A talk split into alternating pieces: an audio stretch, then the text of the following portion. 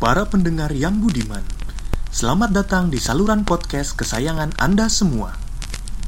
Silakan kencangkan volume suara gawai Anda untuk pengalaman yang maksimal. Selamat mendengarkan dan menikmati. Halo, selamat pagi, siang, sore, malam, kapan pun para pendengar yang budiman mendengarkan podcast membicarakan seni. Eh jangan, lu jangan ngomong dulu Iya, kan gua mau kenalin.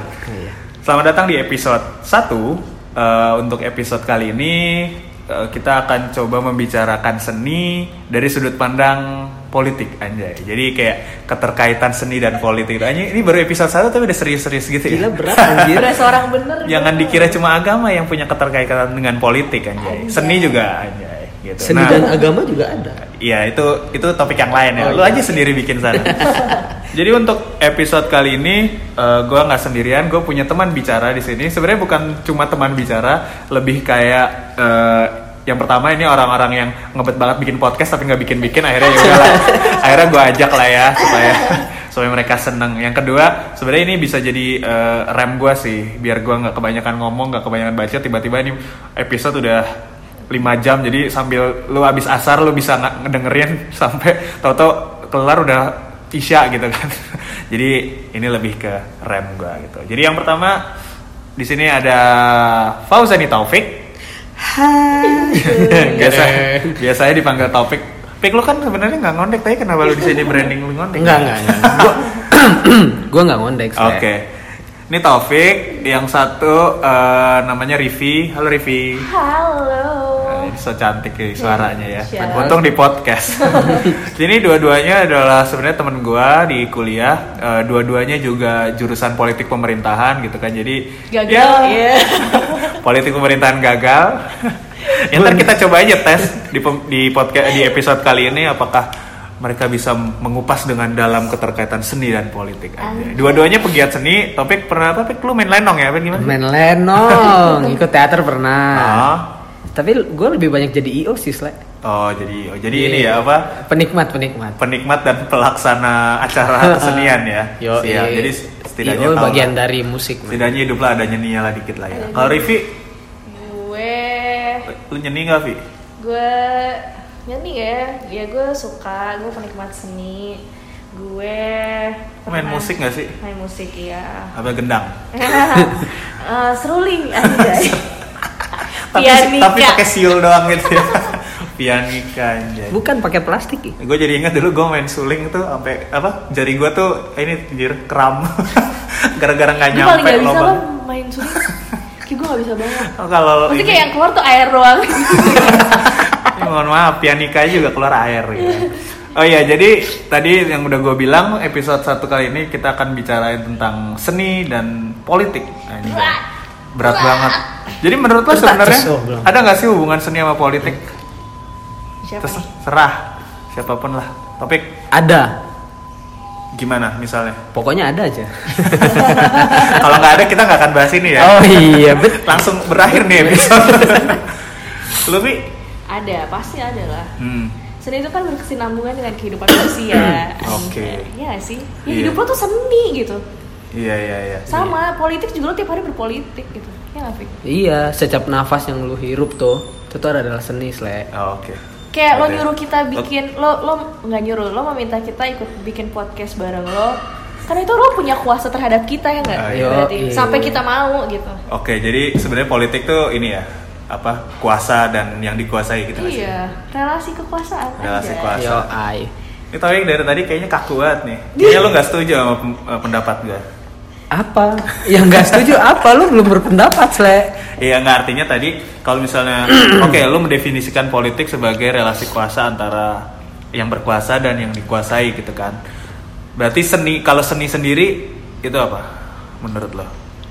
Seni itu Apa? Kalau menurut gue sih seni itu kan kayak Ekspresi sih, Iya betul. ekspresi diri. Ekspresi. Kalau gue kalau mau eh, versi eh, eh, definisi eh, filsafat KBBI gitu ya, KBBI. Iya, Asik, lu bukalah. KBBI. Seni itu kayak ekspresi yang menu yang diciptakan manusia untuk mendekati keindahan Tuhan. Anjay. Anjay. Apa sih anjir? Gokil, anaknya filsafat. Tinggi ya? Plato, Socrates, iya. Aristoteles saya. gitu. Jadi sebenarnya berarti kalau digabung kayak seni dan politik itu kayak ekspresi eh, manusia untuk merespon relasi kuasa yang ada di sekitar Nah, kita nggak sih? Betul. Betul. Oke, gila ini banget. Sebenarnya lebih dalam juga sih. Hmm. Jadi setiap eh, perjalanan dari politik itu sendiri, apalagi di dalam satu negara gitu kan. Nah itu juga ada eh, banyak apa ya relief-relief seni yang terjadi di situ gitu loh. Maksud lo apa sih? relief seni itu apa sih? Gue tau relief di Candi Borobudur. Jadi maksudnya setiap eh, setiap proses dari eh, berpolitik eh, di negara entah itu di negara entah itu di dalam kehidupan sehari-hari, nah itu masih nyala saya. Iya, iya. Nah, gue takut aja udah ngomong panjang kakak kram kan. Eh, itu ini apa sudah dicampuri dengan urusan-urusan seni, mengekspresikan diri gitu loh. Terus Makanya kan ada Kementerian Kebudayaan, Seni dan Kebudayaan. Enggak cuy, sekarang tuh Bukan. seni tuh masuknya di Iya. Iya sih kebudayaan enggak. Seni itu sekarang kan masuknya di Kementerian Kebudayaan Budaya, dan pendidikan. eh, pendidikan, pendidikan dan kebudayaan. kebudayaan. Lalu ada badan yang menangani itu ekonomi Kreatif. ekonomi kreatif. Sebenarnya tetap sih ngenanganinnya ekonomi kreatif, tapi mostly ekonomi Iya. kreatif yang di, kita hasilkan kan kebanyakan eh ya banyak dari seni kan. Produk- seni rupa, seni. seni kriya ya. Seni kan luas, maksudnya bukan hanya seni rupa, seni lukis, Hmm. seni musik, tapi kan ada teater, puisi, Yuk, Yoi. film. film, film. terus apa lagi? Eh, apa namanya relief-relief gitu juga. Itu Relief, seni relief. loh. Iya, iya. Iya. Ya kan? Kalau lu dulu di lu kan jurusan politik pemerintahan nih, ada nggak sih apa? Gua nggak tahu ya. Gua kan jurusan yang nggak ya politik sih. international. International Anjay. relations kan. Ya, gua sedikit banyak juga membahas eh, politik kan. Eh, tapi gue pengen tahu aja sih eh, kalau di jurusan gitu, eh, maksudnya di perkuliahan kalian di jurusan politik pemerintahan tuh apa yang dibicarakan tentang seni di situ? Ada nggak? Kalau misalnya nih gue gua di HI gitu ya, banyak eh, seni itu bisa masuk di gerakan sosial atau di eh, transnasionalisme. Karena skripsi gue sebenarnya HI tapi tentang transnasional, transnasionalisme teater. Artinya teater yang bisa menjadi apa ya instrumen kayak untuk eh, menembus batas negara gitu loh. Untuk untuk bisa dengan maksud apa tetap ekspresi gitu kan dengan maksud apa pertukaran eh, pertunjukan seni pertukaran eh, pelaku seni itu juga termasuk gitu. Jadi sebatas itu sih. Kalau di politik pemerintahan gimana? Ada dong. gimana tuh Eh, sebenarnya kalau misalkan kita bicara negara ya, hmm.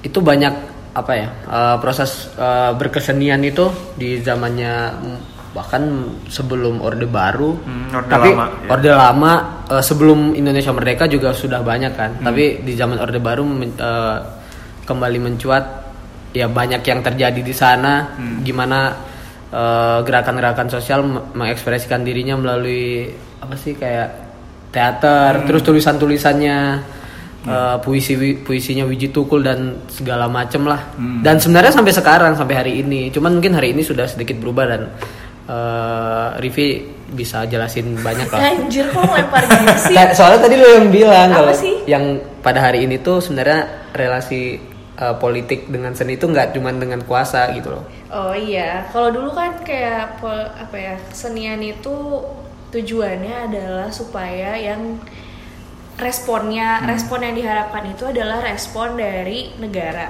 Iya. Tapi sekarang justru yang merespon kesenian itu adalah grassrootsnya. Hmm. Let's say kayak misalnya film deh yang kemarin, Iya. Eh, film Kucumbu Tum Kucumbu Tubuh Indahmu. Indahmu itu kan yang respon paling besar itu datangnya dari grassroots kan, maksud dari Hmm. masyarakat karena dianggap kayak anjir film tentang gay gitu. Hmm.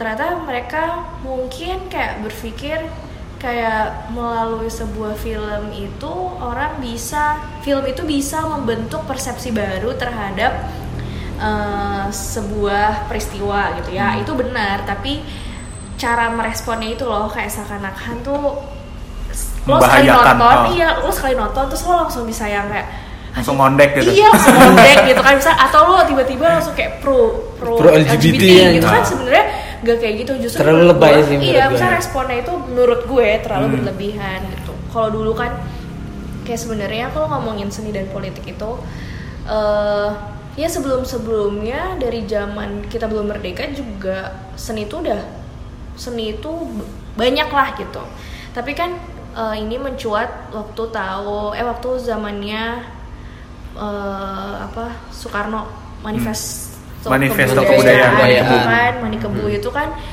sempat naik karena dianggap kayak eh, itu ditolak kalau nggak salah deh sama Iya. Soekarno Kalau yang gue tahu kalau nggak salah Manikebu tuh kayak eh, kontranya ini kan apa namanya lekra nggak sih? Iya dia kontra Nah. terhadap lekra karena bagi bagi bagi si sastrawan dan budayawan sastrawan dan budayawan eh, itu mereka mereka itu menganggap kayak lekra itu terlalu eh, ekstrim. Hmm, ekstrim dalam hal? Karena ada beberapa kayak ada beberapa statement.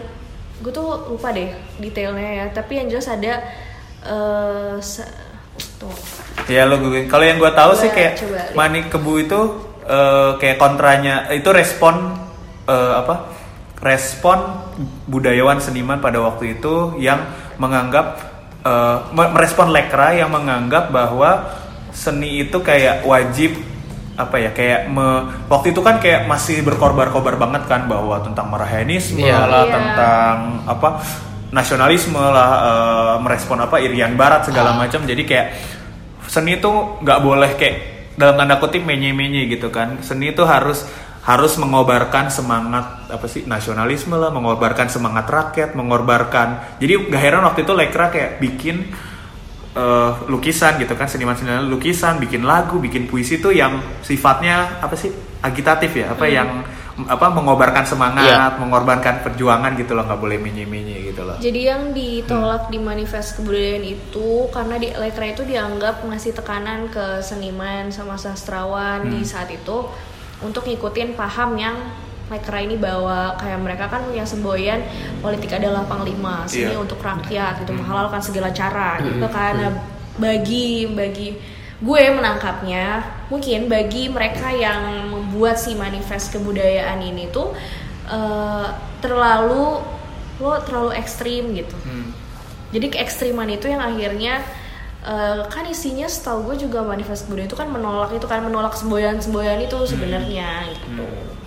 Jadi kayak menolak uh, bahwa seni itu dijadikan alat untuk hal apa? Jadi seni di satu sisi seni eh, jadi ya itu tadi eh, penyemangat jadi eh, upaya-upaya untuk apa agitatif gitu kan mengobarkan semangat rakyat tapi di satu sisi jadi nggak bebas nggak sih jadi kayak eh, orang kalau berkesenian lu nggak seniman nggak bebas mempunyai ideologinya sendiri ah gue mau seni yang kayak gini gitu kan tapi Iya. dengan adanya tadi lekra itu kan jadi kayak Ja- jadi soal. Nah. jadi seolah-olah seni itu harus melawan gitu loh. Iya, iya. Pada pada dasarnya kan seni nggak mesti harus melawan. Hmm. Seni kan kebebasan apa pun itu. Melawan adalah sa- salah satu bentuk dari seninya itu sendiri kan. Hmm. Nah, berkaitan dengan melawan aja. Ini ini transisi yang bagus sih aja.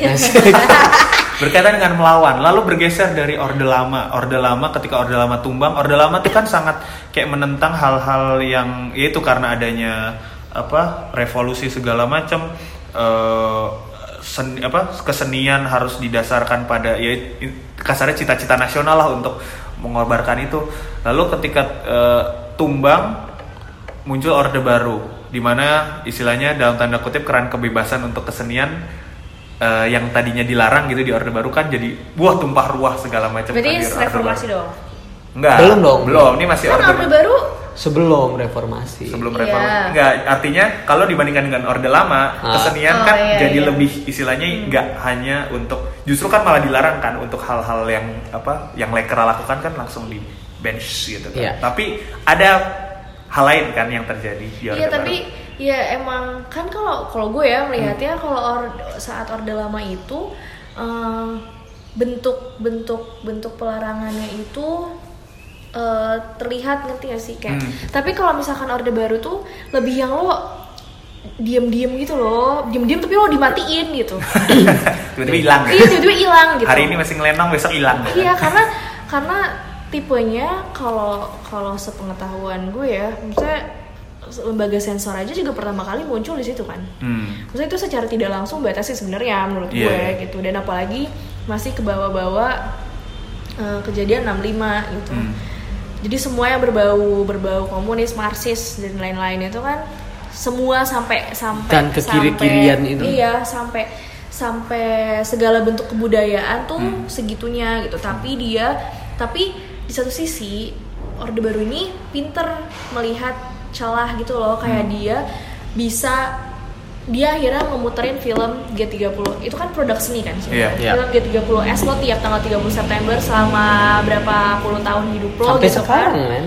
Iya, dan itu ke bawah sampai sekarang gitu. Kayak dia tahu kalau misalkan seni itu punya power sebenarnya. Hmm. gitu. Jadi karena karena dia tahu seni itu punya power, lewat dari situ ya ya ibaratnya gila lo berapa berapa tahun ditontonin kayak gitu akhirnya kan yang yang nancep di otak Doktrin. lo kayak iya di Yoi. doktrin kan Iya. kayak yang nancep akhirnya kayak oh, anjir nih jahat anjir nih gak bisa nih kayak gini Yo. gitu jadi jadi jadi kayak gitu Jadi kayak eh, berarti kayak gue ngelihat nih kayak ada pergeseran gitu loh. Tadinya seni sebagai bentuk ekspresi bebas gitu kan, tapi di sini jadi jadi malah seni dijadikan Mengkungkung. iya di, digunakan justru sebagai power untuk pihak yang punya Nah, Iya. power iya, gitu tapi kan.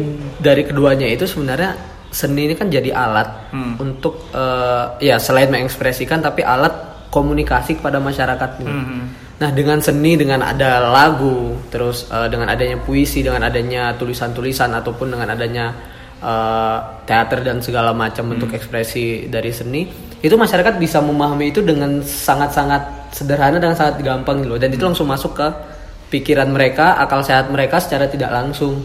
Nah, itu dari zamannya orde orde lama lalu masuk ke orde baru, orde baru mikir kan, wah ini kalau misalkan kita biarkan eh, ini akan akan apa menjamur di masyarakat ya udah kita aja yang pakai itu jadi mereka yang pakai mengkungkung itu akhirnya masyarakat disuguhi dengan eh, tampilan-tampilan yang menyatakan bahwa mungkin pada waktu itu eh, satu satu kubu atau satu satu gerakan itu adalah eh, salah menurut pada zaman itu ya udah itu itu jadi bahasa dan jadi alat komunikasi ke masyarakat dan sampai hari ini masyarakat masih banyak yang percaya Iya, gitu. iya. Ya kalau katanya Wijaya Herlambang di bukunya yang kekerasan budaya pasca 1965, Hmm.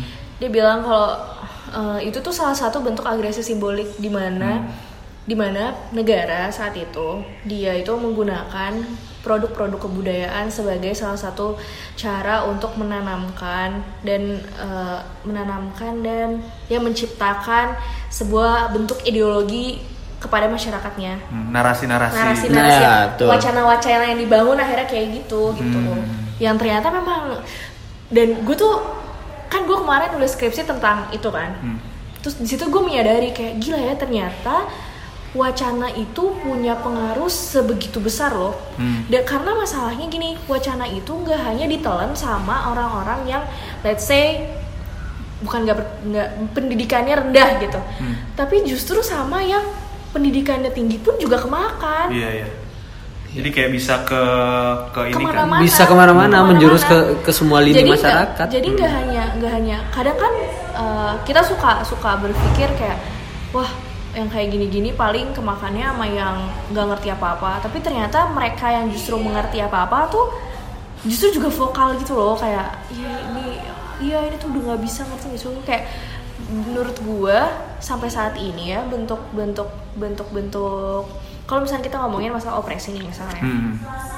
opresi yang dilakukan di produk-produk kebudayaan sampai saat ini menurut gue itu hanya yang s- hal-hal sensitif sara sih. Kayak misalnya tentang Itu masih ya paham berarti? komunis masih. Maksudnya masih se- sekuat itu gitu loh. Masalah eh, agama masalah komunis marxis pokoknya paham-paham di luar yang kita ilhami saat ini gitu. Yang kita akuin. iya yang kita akui yang diakui saat ini sama mengenai LGBT itu kayak itu pasti yang akan mendapatkan respon dan itu yang akan kena opresi gitu. Tapi yang lain tuh enggak. Hmm. Ya nggak sih gue sih ngerasanya kayak gitu Iya, iya. Eh, kalau tadi eh, berkaitan dengan Sarah gitu, kalau menurut lo eh, perlu nggak sih? Maksudnya Sarah itu masih ketika di kan jadi kalau misalnya seni itu sebagai media yang istilahnya relatif bebas ya, apakah menurut lo sen- perlu nggak sih hal-hal yang kayak tadi Sarah itu juga ada di dalamnya? Tapi ya itu maksudnya dengan tujuan-tujuan pastinya memberikan perspektif baru Ya, gitu kan yang tidak toleran. negatif gitu Toleran. kan. Atau justru ya seni harus dibebaskan dari hal-hal kayak gitu loh untuk men- mencegah opresi itu. Menurut gue seni butuh sih untuk kayak Se- gitu. sebenarnya kan balik lagi seni itu kan bebas ya. Hmm. sebebas-bebasnya. Artinya kita nggak bisa terkungkung di saranya itu doang atau di dalam perlawanan gitu loh. Jadi semuanya ya kalau kita bicara seni ya harus sebebas-bebasnya. Apa pun ekspresi yang kita ungkapkan harus bebas-bebasnya tidak bisa ada di lingkungan itunya aja gitu loh. Hmm. karena menurut gue sebenarnya gue inget deh ada ada gue pernah baca yang kayak gini. Kalau politik sudah makin liar nggak bisa dibendung di situlah saatnya seni harus turun tangan. Hmm. berarti ya gini berkaca sama kondisi sekarang misalnya Hmm. gitu lo lihat kan sepanas apa sih pasca pemilu Iya. ya nggak sih malah menurut gue di sini yang karena nih pemilu tahun ini wah amazing segala isu digoreng gitu loh Iya. Iya gak sih? Hmm. Bukan hanya dulu zaman pilkada DKI iya yang di yang digadang-gadang adalah isu ras dan Hmm. agama. Sekarang agama doang tapi agamanya yang kayak Woi lu segitunya banget itu. Dan menurut gue di situ seni harus masuk sih. Sebagai yang buat ngademin gitu loh. Hmm, lebih ke ngademin ya? Iya Nah. lebih ke ngademin sebenarnya. Bukan yang bukan memihak ya tapi bukan bukan kon- pro ini kontra ini tapi lebih ke yang kayak uh, cover both cover both sides juga sih jatuhnya gitu. Kayak ya dia harus sebagai sebagai sebagai penengah menurut gue Hmm. Iya kalau misalkan dari tadi kita ngomongin seni itu seni dan politik seni itu melawan gitu kan. Tapi seni itu kadang-kadang juga banyak positifnya loh dalam politik. Hmm. ya kalau misalkan tadi Rivi udah bilang terkait uh, pemilu 2019 mungkin dari 2000 dari dulu lah sebenarnya gimana misalkan musik dangdut itu sebenarnya loh bisa menanamkan uh, apa? Nilai dari persatuan. Iya, iya benar maksudnya musik dangdut jangan kita lihat dari uh, biduannya aja gitu, tapi sebenarnya kan kita bisa ngelihat dari uh, apa? Ya konten lagunya. menyatukan rakyat loh. Betul. Gimana konten-konten lagu yang di yang dibawain sama misalkan dulu ada nggak dulu sih sekarang masih ada Roma Irama itu terus konten-konten lagu-lagu pop Hmm. lagu-lagu rock banyak lagu-lagu indie terus ya kalau Iwan Fals siapa yang nggak kenal gitu kan Eh, Dewa 19 dulu bukan yang sekarang. Dulu siapa yang nggak tahu gitu. Lagu-lagu mereka kan sebenarnya banyak juga yang eh, masuk ke ranah itu. Yang masih stabil slang menurut gue nah yang slang juga Misalnya salah satu. search dari nilai-nilainya ya. Uh, tapi kalau misalkan kita bicara hari ini di luar yang tadi kita omongin ter- terkait pemilu ya, uh, gerakan-gerakan yang timbul di masyarakat, misalkan penolakan-penolakan pembangunan salah satu perusahaan, misalkan salah satu pabrik ataupun uh, infrastruktur baru, itu kan sebenarnya sudah banyak dibawakan sama uh, Komunitas seni. komunitas-komunitas seni yang baru. Ada musik mungkin kalau di Jogja tuh ada festivalis, ada anti tank. Ah enggak, kalau misalkan seninya ya ada festivalis. nanti teks seni loh Iya anti tank terus ini apa apa Eh, Ik- Ik- Iksan Scooter Hmm. Ja- eh, ini Jogja Hip Hop Foundation JHF, itu juga iya. JHF sebenarnya banyak yang kayak gitu juga gitu loh Hmm. bahkan di kampus-kampus Ah. menurut gua salah satu eh, teater yang di kampus bahkan teater semacam teater garasi teater Hmm. Gandrik apa? Iya teater tempat lu tuh apa sih? Koma. teater koma itu kan juga sebenarnya menarasikan Tempat bongkar. menarasikan inilah apa Iya. melemparkan wacana-wacana politik sebenarnya. Teater koma aja kan juga pernah kena bredel kan Iya. Waktu sampai Iya. engtai itu Banyak. kan Iya. Iya. Ya Wah, kan? itu skripsi gua jadi jadi bahas skripsi gua. Oh, iya kan? Kalau seni dan politik kayak itu sih bisa kayak kalau masalah bredel gitu kan ya itu tadi balik lagi Eh, penguasa melihat eh, pada waktu itu melihat seni sebagai sesuatu yang punya kekuatan lumayan Iya. besar gitu loh walaupun menu- mungkin menurut senimannya nggak dimaksudkan untuk untuk ke situ gitu kan gue akhirnya gue menyadari satu hal nih Eh, ngomong-ngomong seni ya sebenarnya ada ada orang yang bukan ada pihak-pihak yang sebenarnya tuh menyadari kalau seni itu punya kekuatan sebesar itu Hmm. sampai saat ini hmm. tahu nggak kenapa maksud gue tahu nggak siapa Wih, ini kita berbicara ini confidential nggak? Iya, iya. Gini deh, waktu yang putihkan GBK ke konsepnya apa? Petikan GBK tuh yang Konser, kampanye ya? yang no sat- Konser, men. Iya. Seni gitu Hmm. yang dia tarik adalah seniman-seniman Hmm. Gila men itu satu satu Itu leaflet, satu leaflet itu seniman Itu semua kayak. Anjir gua gitu loh." gua gua gak kebaca men. dan menurut gue di situ itu ini gue bukannya berpihak pada pihak Iya. mana Iya, ya. enggak, enggak. Kita Ini enggak ngobrolin ngomongin- keberpihakan. ini kita ngomongin masalah seberapa Kuatnya eh, kuatnya seni. seni, itu gitu Hmm. orang tuh akan nggak peduli mungkin ya dia tuh awalnya bukan memilih si doi Hmm. tapi karena cara kampanyenya dia kayak gitu akhirnya kayak wah anjir wah ini seru nih aku beli dia aja kan mungkin Hmm. ya kan Iya. bisa gitu loh hal-hal kayak gitu tuh mungkin terjadi Iya iya iya. Jadi kayak sebenarnya udah ada kesadaran gitu kan apa bahwa seni menjadi kekuatan gitu ada kan. ada Iya. ada kesadaran itu cuman Kalau bahasa sekarang tuh people power. iya people power Ya mungkin orang-orang yang mau ng- ngelaksanin people power daripada Iya. melaksanakan demo doang gitu Iya, kan. Bikin konser, konser. depan bawaslu gitu kan bikin konser. Tapi Depan gini kadang-kadang kalau gue mikir ya, kenapa seni eh, kalau misalnya kita bicara musik ya, kenapa orang takut banget kalau misalkan seorang seniman atau sekelompok seniman tuh sudah menyuarakan sesuatu atau Hmm. melemparkan wacana. Jadi sebelumnya kan mereka sudah punya masa, sudah punya fans ya. Hmm. Nah fans yang fanatik ini kan sebenarnya bahasa kasarnya bodoh amat mereka mau mau bawain lagu apa gitu Hmm. loh. gue ngikutin banyak tentang Endang Sukamti lagu-lagu mereka ada lagu-lagu yang perjuangan juga Hmm. ada lagu yang ya mungkin sekarang ada lagu tentang kehidupan ya banyak lah itu tentang percintaan mungkin satu dua ada lagunya Hmm. Orang bodoh amat mereka mau bawain lagu apa gitu loh. Orang udah suka dulu udah dengerin dulu. Nah setelah orang denger baru orang mikir oh iya men.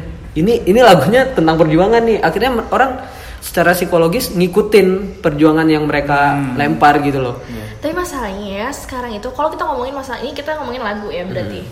Lagu orang itu sekarang dia akan lebih mendeng- eh, menikmati rhythmnya dulu baru baca liriknya. Iya gue karena gini kayak kemarin gue sempat mendengarkan album Bara Suara yang baru Eh gue juga dengerin. gue juga dengerin men Halo, Mas halo Iga. Mas Iga ya gitu terus halo Mbak Icil iya. terus ada satu lagunya yang haluan Iya. Iya gak sih? Iya, iya. Iya gak? Gue tuh akhirnya jadi, wah anjir ternyata sebenarnya lagunya dia ini punya semangat menyatukan loh gitu. Hmm. yoi Kalau kalau karena gue tuh kan awalnya ya udah nyanyi nyanyi aja ya gak sih? Iya, iya. Gak yang kayak "Ah, apa ya artinya? Gitu kan enggak tapi lama-lama saat gue semakin menyanyikan itu gue semakin terngiang-ngiang kayak ih kok liriknya gini? Sampai akhirnya gue baca terus kayak Iya. ih iya liriknya gitu. Nah itu yang gue bilang tadi kan awalnya orang ya karena kita mungkin fans seneng sama musiknya. Iya. udah kita dengerin dulu nih lama-lama kita oh iya juga ada ada Kalau- kalau lagunya Bara Suara sih gue guna manusia itu sebenarnya bukan politik dengan negara ya maksudnya bukan dengan relasi kuasa Lebih kita, pemerintahan ke masyarakat, tapi guys. Iya. politik di antara kita secara horizontal Iya. sama masyarakat gitu loh Karena ngomongin gunanya politik- manusia tuh ngapain lu Waduh. ngancurin negeri Terus doang sebenarnya gitu. ngomongin politik tuh bukan hanya lo dengan negara Iya. Iya. lo antar individu itu politik menurut gue Hmm. Ter- dengan sesama gitu Gue jadi kepikiran kalau gue mau jadi caleg itu gue jadi musisi dulu kali ya. Jadi kayak Iya, gue jadi musisi Gak idealis selalu dulu. bikin lagu kayak bara suara Fis gitu ah. Ah, gue yakin tuh ya kalau misalkan Ah. Mas Iga Iga Mas nyalek, Hardi ah, nyalek nih atau 2024. uh, Baskaranya Fis Ah. ny- nyalek yakin gue Mas Holil juga boleh dari ini efek rumah kaca kalau mau ini Iya, juga Nah, itu- boleh itu nyalek. satu saya pilih, saya pilih. lagunya efek rumah kaca kan sebenarnya wah itu melemparkan wacana-wacana perpolitikan yang sangat kental Iya. kan Iya. lagu di udara wah, Wah, itu kan lagu tentang mu se- Munir, sebenarnya kan kan? lagu tentang Munir tapi di Bisa diinterpretasi. nah Iya. diinterpretasikan Iya. dengan semua lini gitu loh Se- segala bentuk represi segala yang ada bentuk di negara represi ini benar Iya iya iya. Jadi di satu sisi kenapa tadi gue juga ba- baru dapat lagi kenapa pak orang bisa menganggap power seni itu eh, seni eh sorry power dari seni itu sangat kuat karena seni bisa diinterpretasikan macam-macam kan. Iya. Artinya lo lempar sekali kenanya bisa banyak gitu nggak sih? Jadi kayak diinterpretasi bisa banyak eh, dan apa pesannya mungkin sampai mungkin nggak sampai gitu kan. Tapi setidaknya interpretasinya banyak dulu. ya lu kayak kayak netesin air di tisu Nah. Itulah netesin gunanya- satu terus lama-lama Iya. tisunya kena basah itulah semua. gunanya ilmu semiotika beb Anjay. ya bener kayak Betul, misalnya betul. contoh deh kayak film Avengers Endgame Hmm. menurut gue tuh politik banget loh Soalnya lu di anak politik pemerintahan lu. Nggak, Karena iya iya. nih, kayak yang terakhir ini kan nggak udah nggak apa-apa kan spoiler ya nggak sih Iya, selesai iya, kan udah lama spoiler spoiler bandnya Ntar gue pasang lah di uh, di deskripsinya spoiler alert uh, yang belum Iya. nonton Avengers uh, dengerin. wanti wa- Iya. was was gitu. Iya. Eh, apa namanya Captain kalau America di enggak gue lebih ke ini loh pas pas scene scene terakhir lu udah pada nonton belum sih Belum. ya Nggak apa-apa, gua nonton. gua nggak peduli sih dengan spoiler, Oh, nggak gitu, apa-apa spoileran aja. Spoiler alert. Kayak pas di scene scene terakhir itu kan in the end tuh ada Captain Marvel terusnya siapa Intinya pahlawan-pahlawan yang lain. pahlawan-pahlawan wanita Oh, wow. jadi kayak eh, ada satu gue lupa itu siapa yang ngomong ya oh Captain Marvel tuh mau bawain si eh, tangannya Thanos itu Oh, lah iya. pokoknya ya kan Iya, iya, iya. terus kayak si Spider-Man kan bilang gue gak tahu gimana cara ngelewatin ini semua terus tiba-tiba yang segala macam eh, apa namanya superhero yang cewek-cewek tuh Hmm. kayak tenang we got your back gitu loh maksud gue di situ itu politik loh Politik gue. gender, ada narasi, Gender, man. ada narasi emansipasi. iya ada, ada narasi emansipasi itu Women. politik loh menurut gue Iya, iya, Ini iya. entah memang mereka sudah memikirkan itu apa cuman kita iya gue juga gak ngerti tapi tapi menurut gue Tapi- kayak wah gila gue pastiin itu gue bener-bener kayak wah gila nih dia Tapi banyak banget film-film kayak gitu, power tuh Hmm. segitunya gitu Tapi banyak banyak banyak banget film-film kayak gitu. Mungkin kalau film-film zaman dulu film Rambo ya. Hmm. Itu kan salah satu salah satu bentuk eh, ini juga ya. Bentuk- narasi politik juga ya. Nah, Bentuk apa? tapi kan? antar negara kan. Iya, Nah, simbolisasi powernya Amerika Nah. terhadap di perang Vietnam gitu kan. betul. film 2012 juga gitu gak sih Gue nggak nonton. Gimana gimana gimana? Yang gimana? yang 2012 2012 tuh kagak nonton, Pik. Bukan kagak nonton, gue lupa, gue bodo amat. Itu Ya- tahun udah lewat loh. Ya, ya kali, men, dibilang mau kiamat, yang lain pada takut. 2012. gue mah ibadah ya. 2012 Waktu tuh itu yang masih ini, pesantren gue. Oh, apa namanya pas eh, lo perhatiin negara-negara yang masuk ke dalam kapal itu Hmm. Negara-negara di Daes semua men Iya, kagak ada iya. Indonesia waktu itu kagak ada kan Iya, iya. Indonesia mungkin di eh, bener-bener pertengahan film tuh udah nggak ada kali. iya itu kayak udah udah hilang gitu Iya, pertengahan Jadi film udah nggak ada. Sudah nggak dianggap. bagi gue kayak anjir yang selamat tuh negara-negara gede kenapa harus negara-negara besar di ya gak tau sih ini emang Ya balik lagi powernya mereka mungkin lebih gede gitu kan jadi secara Kayak, kayaknya modal kita ini deh buat beli tiket di kapalnya kurang deh. iya lu bisa jadi. eh, lu lu mungkin kalau kemarin lu eh, ada orang mungkin Taipan dari Indonesia kayak ngemodalin filmnya gede gitu mungkin Indonesia dimasukin gitu di kapal itu. mungkin. itu kan masalah si pembuat film sebenarnya kalau dari film kan gitu kan. Gitu sih. Eh, oh ini yang seru lagi seru kemarin tuh yang tentang undang-undang permusikan lu ada komentar nggak? Itu kan gua- sedikit banyak regulasi. Buang, buang duit. Masalahnya masalahnya yang ya walaupun ini sudah berakhir ya geng maksudnya ini udah ditutup kan akhirnya Hmm. Ya. karena ya kalau menurut gua kalaupun dilanjutin anjir lo mendingan bikin undang-undang yang kayak ya apa ya sebenarnya banyak hal yang lebih krusial daripada itu menurut gua iya iya Tapi mungkin niatnya baik awalnya loh. Iya, niatnya ya baik. Iya, Tapi siapa tapi yang ya- bikin undang-undang niatnya jahat. Iya, benar. tapi gue selalu mikir gini deh. Kalau misalkan ada satu wacana dari pemerintah, Hmm. sebenarnya pemerintah nggak cuma ini ya, nggak cuma presiden eh, dan Eksekutif jajarannya ya, eksekutif doang, tapi like, termasuk legislatif Legislatif. juga dan yudikatif. Kalau melemparkan satu wacana yang kayak gitu kayak gitu tuh mereka banyak kepentingannya men. iya Ya pasti pasti Ya niatnya benar, niatnya benar itu tadi kan baik. eh, mereka mau mengatur gimana uh, proses ber- berkesenian di di Indonesia supaya, itu semakin supaya, ma- semakin supaya baik. semakin terjamin si Ah, pegiat-pegiat ah, seninya benar. itu bagus menurut Ba-. Iya bagus gitu loh. tapi kok dari tapi justru Tapi dari kontennya. iya konten Isi undang-undang, pasalnya isi gitu ya. Iya. kayak nggak menggambarkan itu gitu ah. dan menurut gua kayak weh lo buang duit banget men masalahnya kan bi- rapat aja rapat bikin undang-undang aja kan Nah, Iya lu kan sih? tahu- lu berapa lu kan PNS Pik. Lu kan tahu biaya rapat berapa Pik biasanya? Pik? ya kan Ya, Biaya- ya, langsung dibuka tuh- ya. biaya biaya Ya, rapat ya, ya. gede loh Gede, gede, gede. walaupun belum jadi undang-undang tapi kan proses menuju ke sananya Hmm. banyak Nomenklaturnya banyak banget. Pro- eh, Iya. pe- biaya persiapan proses penggodokan undang-undang permusikan iya prosesnya kan men Gila. Tapi tapi seenggaknya kalau gua kalau gua emang senangnya lihat yang positif positif ya. Hmm. Tapi seenggaknya ketika itu kemarin dikeluarkan terus akhirnya panas, Hmm. akhirnya banyak, nah banyak seniman-seniman di Indonesia tuh akhirnya buka suara gitu loh. Hmm. Yang selama ini mereka mungkin selama ini kebanyakan orang atau kebanyakan seniman mungkin ya itu mikirnya ya udah gue gue jadi seniman gue dapat duit gue tenang gitu loh hidup Hmm. gue ya udah men gaji gede banget duitnya pendapatannya gitu loh tapi Hmm. mereka lupa dengan sebenarnya banyak yang harus mereka penuhi dalam tanda kutip mereka uh, aturan-aturan untuk mereka sendiri supaya mereka lebih eksis ke depannya gitu loh. Nah, dengan adanya itu kemarin wacana wacana yang kemarin itu akhirnya mereka pada banyak yang buka suara ya walaupun terlebih dari pro dan kontra itu kan. Menurut gue itu juga menimbulkan uh, bagaimana akhirnya para seniman, para masyarakat, rakyat lebih luasnya itu akhirnya pada ini pada aware lah. aware sama hal-hal mungkin selama ini mereka nganggapnya politik atau undang-undang tuh terkait BBM, terkait eh, bantuan-bantuan. awang-awang yang bukan urusan mereka gitu. ya. Iya, tapi ternyata hari ini hal-hal yang sampai musik gitu kan, itu juga sudah sebenarnya harus kita eh, kita juga harus care sama itu Hmm. gitu loh. Menurut ya, se- sebenarnya sejauh mana sih harusnya kayak pemerintah punya andil di permu- eh, bukan permusikan sorry kesenian ya seni dan budaya gitu kan. Kalau gue lebih jangan menginterupsi nilai dari kesenian itu sendiri. Iya. Apa tuh maksudnya? Nilainya maksud gue kayak Ah. gini loh, ya balik lagi seni itu kebebasan berekspresi. Iya. Jadi kalau misalkan kalau mau bikin regulasi, ya lo fokusnya kepada senimannya, bukan gimana proses Kon- mereka berkreasinya.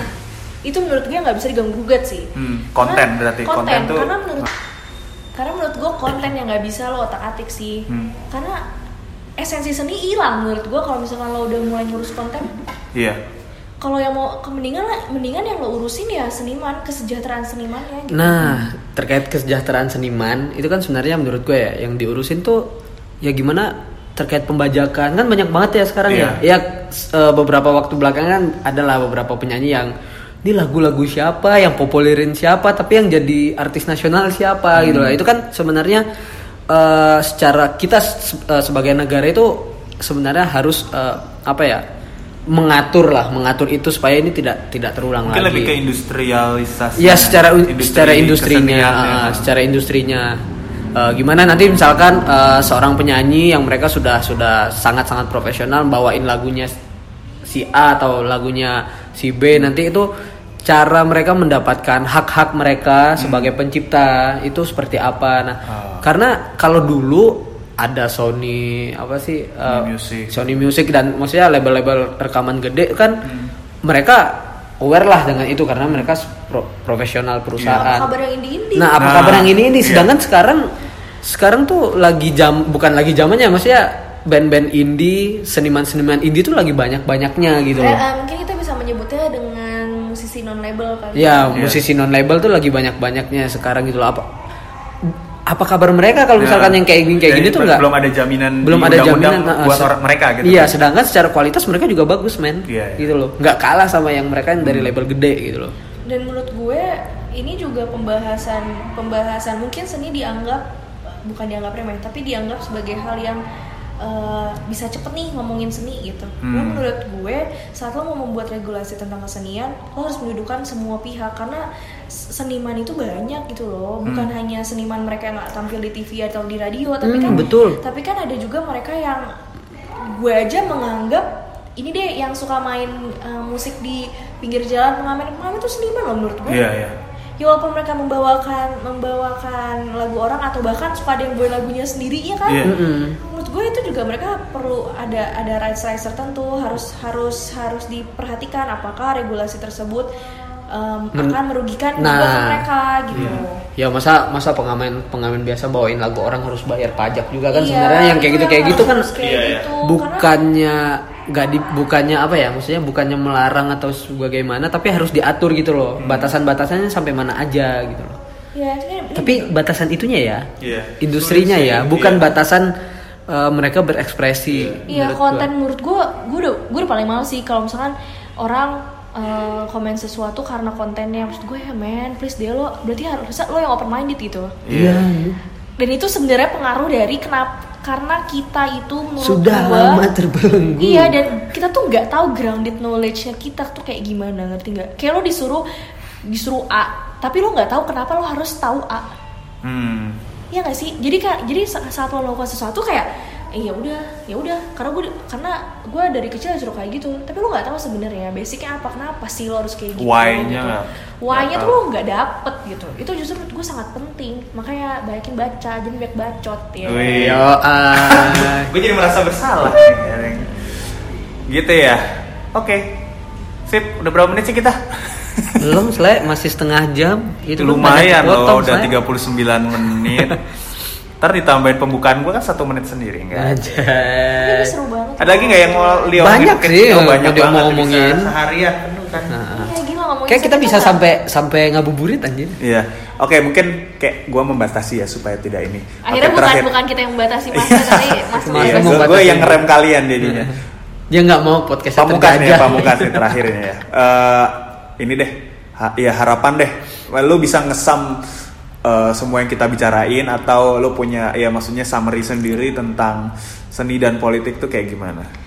Kalau dari gue, saat lo melihat sebuah, saat lo memandang seni lo harus menjadi orang yang open minded. I see. Karena itu nanti lo akan, kalau misalnya lo hanya pikiran lo sempit, lo melihat sesuatu, liatnya tuh ya secara harfiah gitu loh. Hmm. Jadi ya udah, misalnya dia ngomong A, A juga yang ditelan gitu. Hmm. Padahal kan seharusnya menurut gue melihat seni tuh nggak bisa kayak gitu sih. Iya. Lo Betul. harus melihat, lo harus melihat dari berbagai sisi Iya. gitu. Lu Jangan pakai kacamata kuda gitu iya kan. benar nggak boleh, bukan nggak boleh, nggak bisa. Nggak bisa pakai kacamata. gak bisa ngelihat seni dari kacamata Nggak kuda. Iya lah. Kan kuda yang pakai kacamata kuda. Wow. Iya, kacamata kuda nggak bisa dipakai, Mas Le. Jadi sebenarnya Ya kayak kalau semakin banyak lo berkesenian artinya lo menikmati seni, lo menja- eh, berkegiatan eh, berkegiatan seni, membuat karya seni itu sebenarnya lo bisa jadi lebih open minded gak sih? Iya, Iya. itulah pentingnya lo harus punya seni dalam hidup lo. Gitu. lo kalau kencing juga kan mengeluarkan air Air. seni ya. wow. Gue kayak berencana deh mau bikin episode kayak sepanjang episode cuma ngomongin kenapa sih air seni namanya air seni gitu. Eh, itu di episode lain aja. Oke, bye. Gue belum, Sle. Oh iya, lo belum tadi lo? Belum, gue cuma ngomong kacamata kuda Oh doang, iya, udah dipotong anjir. Gimana gimana gimana? Ya kalau misalkan gue se- sebenarnya nggak jauh beda ya. Hmm. Eh, kita harus open minded melihat seni gitu loh. Maksudnya kita jangan ujuk-ujuk langsung menolak. Kalau kemarin eh, beberapa tahun yang lalu ada film senyap terus film Pulau Burutan Air Beta. Jagal. Iya. Jagal. Jagal. Please, please lo harus Please, nonton itu. maksudnya nanti dulu gitu loh. Nanti dulu jangan lu jangan ngejudge dulu. Terus lu dengar dari si A, dari si B, Ustadz A, Ustadz B, lu langsung ngejudge. No, lu baca dulu. Lu harus nonton tahu. dulu. Lu tahu dulu. Gini deh. Sexy Killer kemarin yang baru itu menurut gua kan seni juga dokumenter Iya. Ya. Maksudnya terlebih eh, dengan segala kekurangan mereka me- mendokumentasikan itu atau menarasikan itu menurut gua lu harus lu harus nonton dulu sampai akhir gitu loh Hmm. supaya lu tahu oh ini tuh pesannya Hmm. oh setelah itu yang bener kata Rivi lu harus baca jangan bacot doang oke lu lu cari referensi referensi lain bener nggak nih apa yang mereka uh, Iya, sampaikan gitu lo harus, loh. tahu, lo harus tahu dari dua belah pihak menurut Bener, gue. Pada akhirnya- dari satu. Gua gua lagi uh, gua ingat kata-katanya Cak Nun. Cak Nun tuh setiap setiap dia ngaji atau mungkin dia menyampaikan uh, apa statementnya dia dia selalu bilang kalian jangan percaya sama aku, jangan percaya sama saya gitu loh. Hmm. Dan saya pun tidak menginginkan kalian percaya, tapi kayak ya udah apa yang kalian dapatkan kalian interpretasikan sendiri setelah ini gitu loh. Nah, sama juga seni. Apa pun yang kalian lihat, apa pun yang kalian tonton, apa pun yang kalian rasakan, apa pun yang kalian dengar, jangan semerta-merta kalian telan gitu loh. Hmm. Kalian harus menginterpretasikan sendiri dan memilih sendiri jalan yang ingin kalian ambil. Tapi juga akhirnya nggak boleh juga memandang eh, pendapat orang salah. Betul. Karena balik lagi Harusnya itu. kalau op- udah open minded harusnya Nah, gitu. harusnya kalau lu Salah kayak oh oke kalau oh dari kan akhirnya kayak oh ya gue jadi punya pandangan baru kalau kalau jadi anak seni itu harusnya kalau lu udah mengaku sebagai anak seni, lu nggak tidak semerta-merta menyalahkan orang lain. Gitu. Wih. Makanya Pa- gue paling menyayangkan aja, aduh kenapa aja kayak gitu ya, kenapa aja berpikiran Iya. seperti itu. gitu. Hmm, kayaknya gue nggak belum berani meng- ini sebagai anak seni sih gue anak gigs aja lah. Penikmat keramaian aja lah gue suka. Gua Orang suka berantem gue suka. Iya. Pecinta Nah, ada keributan. kebakaran gue suka gitu kan Gue ramai. kalau kalau kebakaran gue dateng ngeliatin, terus gue bantu. Iya, wow. Baca Mulia doa. baca doa. Baca- baca doa. Eh. lu doa mau makan lagi kan? Iya. eh ingat ya, doa itu penting tau. Benar. Kalau emang lu nggak bisa ngebantu secara fisik, Iya. lu harus ngedoa. Karena Tuhan bisa jadi mendengarkan doa. Kuatan doa. Anjay. Berapa menit sih? Hikmah Ramadan. Berapa menit sih? Hikmah Ramadan 43 ya lumayan lalu jam 5 sore dengerin mulai kelar-kelar Roma maghrib lah ya. Yoi. Dengerin podcast. Gua ini. kira- kira- episode ini. Oke. Oke. Gue mau tutup dulu, jangan di pause Oh, iya. dulu. Masa gue nggak boleh nutup? Oke, segitu dulu mungkin pembicaraan soal eh, seni dan politik pada episode satu kali ini. Thank you Taufik, thank you Rivi. Thank you, Sle. Ya, Rivinya hilang, Rivinya ke mana? Toilet. Toilet, oke dia kebelet dari tadi. Terima kasih so, sudah mendengarkan. Terima kasih Taufik dan Rivi Unta menemani saya berbicara tentang Thank you, politik. Sle.